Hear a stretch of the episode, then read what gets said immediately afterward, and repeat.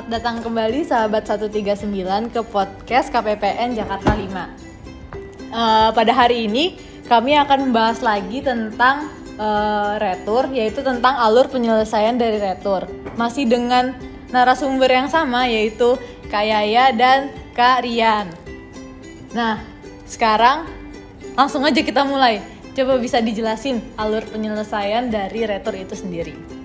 Oke, saya jelasin ya Kak Rahel. Jadi ada beberapa tahapan dari alur penyelesaian retur SP2D ini. Saya jelaskan dulu dari awal. Jadi pertama-tama KPPN itu harus menyampaikan surat pemberitahuan retur SP2D ke kuasa pengguna anggaran dengan dilampiri daftar retur SP2D. Nah, kemudian berdasarkan surat pemberitahuan retur SP2D tadi, Satker itu wajib menyampaikan beberapa lampiran nih.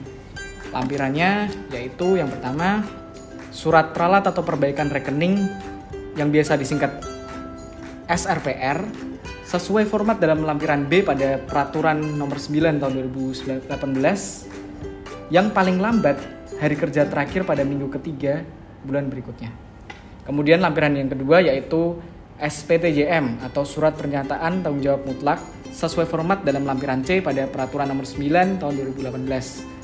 Kemudian lampiran yang ketiga yaitu ADK SPM Dami untuk pendaftaran data suppliernya apabila supplier tersebut belum pernah didaftarkan ke SPAN dan apabila data supplier yang telah didaftarkan tersebut memerlukan perubahan pada misalnya nama bank, nama atau nomor rekening penerimanya.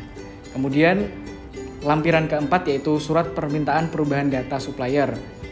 Jadi lampiran tersebut diperlukan apabila ada perubahan data supplier bukan merupakan kesalahan atau perubahan nama bank, nama dan atau nomor rekening yang dibuat sesuai format lampiran D pada peraturan nomor 9 tahun 2018. Kemudian untuk lampiran yang terakhir yaitu ADK perubahan data kontrak. Apabila perubahan data supplier mengakibatkan perubahan data kontrak yang telah didaftarkan di aplikasi SPAN. Lanjut ke tahapan selanjutnya nih. Uh, akan dilanjutkan oleh Kak Isna. Silakan Kak Isna. Nah, tapi ada kondisi khusus di sini, yaitu dalam hal kuasa pengguna anggaran Satker tidak menyampaikan surat ralat atau perbaikan rekening sampai dengan hari kerja terakhir minggu ketiga bulan berikutnya setelah diterbitkan surat pemberitahuan retur SP2D oleh KPPN, maka KPPN akan melakukan penyetoran dana retur SP2D dari rekening RR atau rekening retur SPAN atau rekening RR gaji atau rekening RR Bank Indonesia ke rekening kas negara. Dan juga KPPN akan menyampaikan surat pemberitahuan penyetoran dana retur SP2D kepada kuasa pengguna anggaran Satker.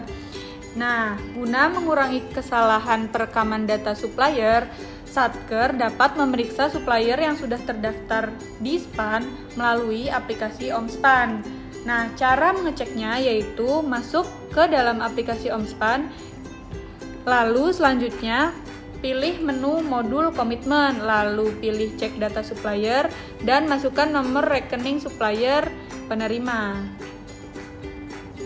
Udah, berarti ini bisa dibilang sangat panjang dan rumit sekali ya. Dan ini baru aja dari uh, satkernya aja, belum sampai ke KPPN. Kan tadi dijelasin juga sama uh, Kak Isna kalau misalnya langsung uh, proses selanjutnya itu dikerjakan oleh KPPN. Nah di KPPN itu yang kayak kita udah rasain sendiri panjang banget. Iya memang lama ya. Hmm, Prosesnya dan cukup lama. rumit dan memakan waktu. Betul Nah. sekali. Eh, karena itu kepada satuan kerja satuan kerja tercinta kita semoga uh, bisa mengecek ulang lagi uh, SPM yang diberikan dan juga nama rekeningnya, uh, nomor rekeningnya dan lain-lainnya juga.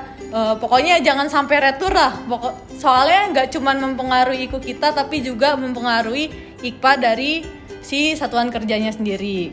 Nah, mungkin segitu aja buat hari ini. Uh, terima kasih buat Kak Isna dan Karian. Sama. Sama-sama. Oke, sampai jumpa lagi ke podcast KPPN Jakarta 5. Bye. Dadah. Sampai jumpa. Dadah.